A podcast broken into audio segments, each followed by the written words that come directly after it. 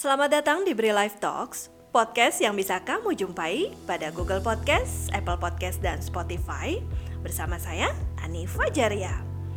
Kini Ani hadir kembali di Bri Life Talks, podcast kesayangan Bri Lifers di seluruh Indonesia, dari Aceh sampai Papua.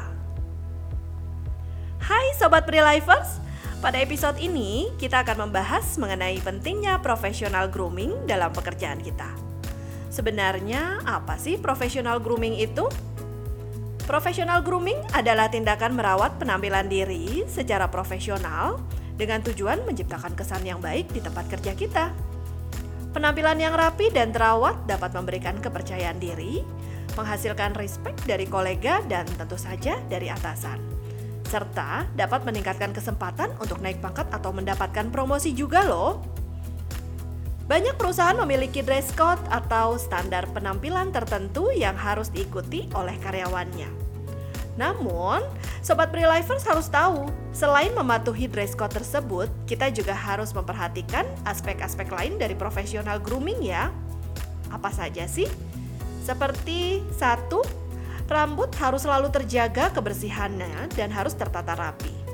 Baik bagi pria maupun wanita. Gaya rambut yang tidak terlalu ekstrim dan sederhana adalah yang paling disarankan ya di tempat kerja kita. Kedua, kulit dan kuku. Kulit dan kuku juga harus dirawat ya sobat beri lifers.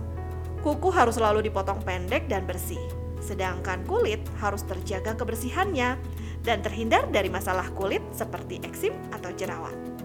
Ketiga, pakaian yang dipakai di tempat kerja haruslah sesuai dengan dress code yang ditetapkan Pastikan pakaian yang digunakan juga harus bersih, rapi, dan tentu saja tidak kusut ya.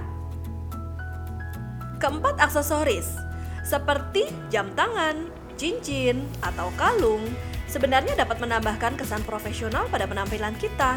Yang penting, pastikan aksesoris yang kita gunakan tidak terlalu berlebihan ya. Yang kelima, parfum. Nah, jangan terlalu berlebihan juga ya Sobat Prelivers dalam menggunakan parfum Pilihlah aroma yang ringan dan menyegarkan untuk orang di sekitar. Kita juga harus selalu menjaga kebersihan diri, termasuk kesehatan gigi dan mulut. Kita harus rajin menyikat gigi dan menggunakan obat kumur agar terhindar dari bau mulut yang tidak sedap. Dan jangan lupa, profesional grooming bukan hanya tentang penampilan luar saja ya Sobat Pre-Lifers, tetapi juga meliputi sikap dan perilaku kita di tempat kerja. Selalu berpikir positif, jangan cepat marah atau emosi, dan selalu berkomunikasi dengan baik, baik dengan rekan kerja ataupun dengan atasan. Akhir kata, dengan melakukan profesional grooming, kita dapat meningkatkan kredibilitas dan profesionalitas di tempat kerja, sehingga dapat membuka peluang karir yang lebih baik. Oke Sobat Prelivers, terima kasih telah mendengarkan podcast ini dan sampai jumpa di episode selanjutnya ya.